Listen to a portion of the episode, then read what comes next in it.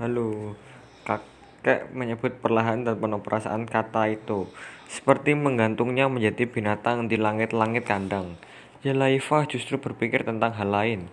Kalau begitu, cinta itu seperti kasur ya, kek.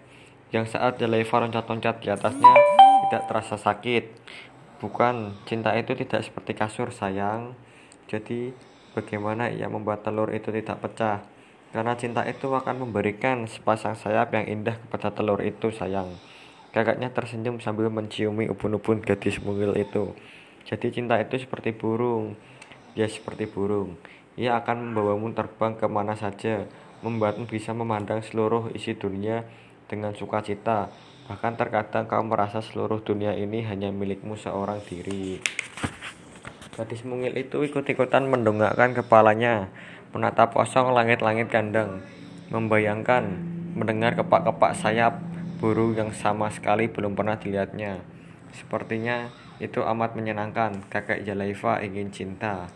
Kemudian hari-hari berikutnya Jalaifa jadi sering sekali bertanya tentang cinta.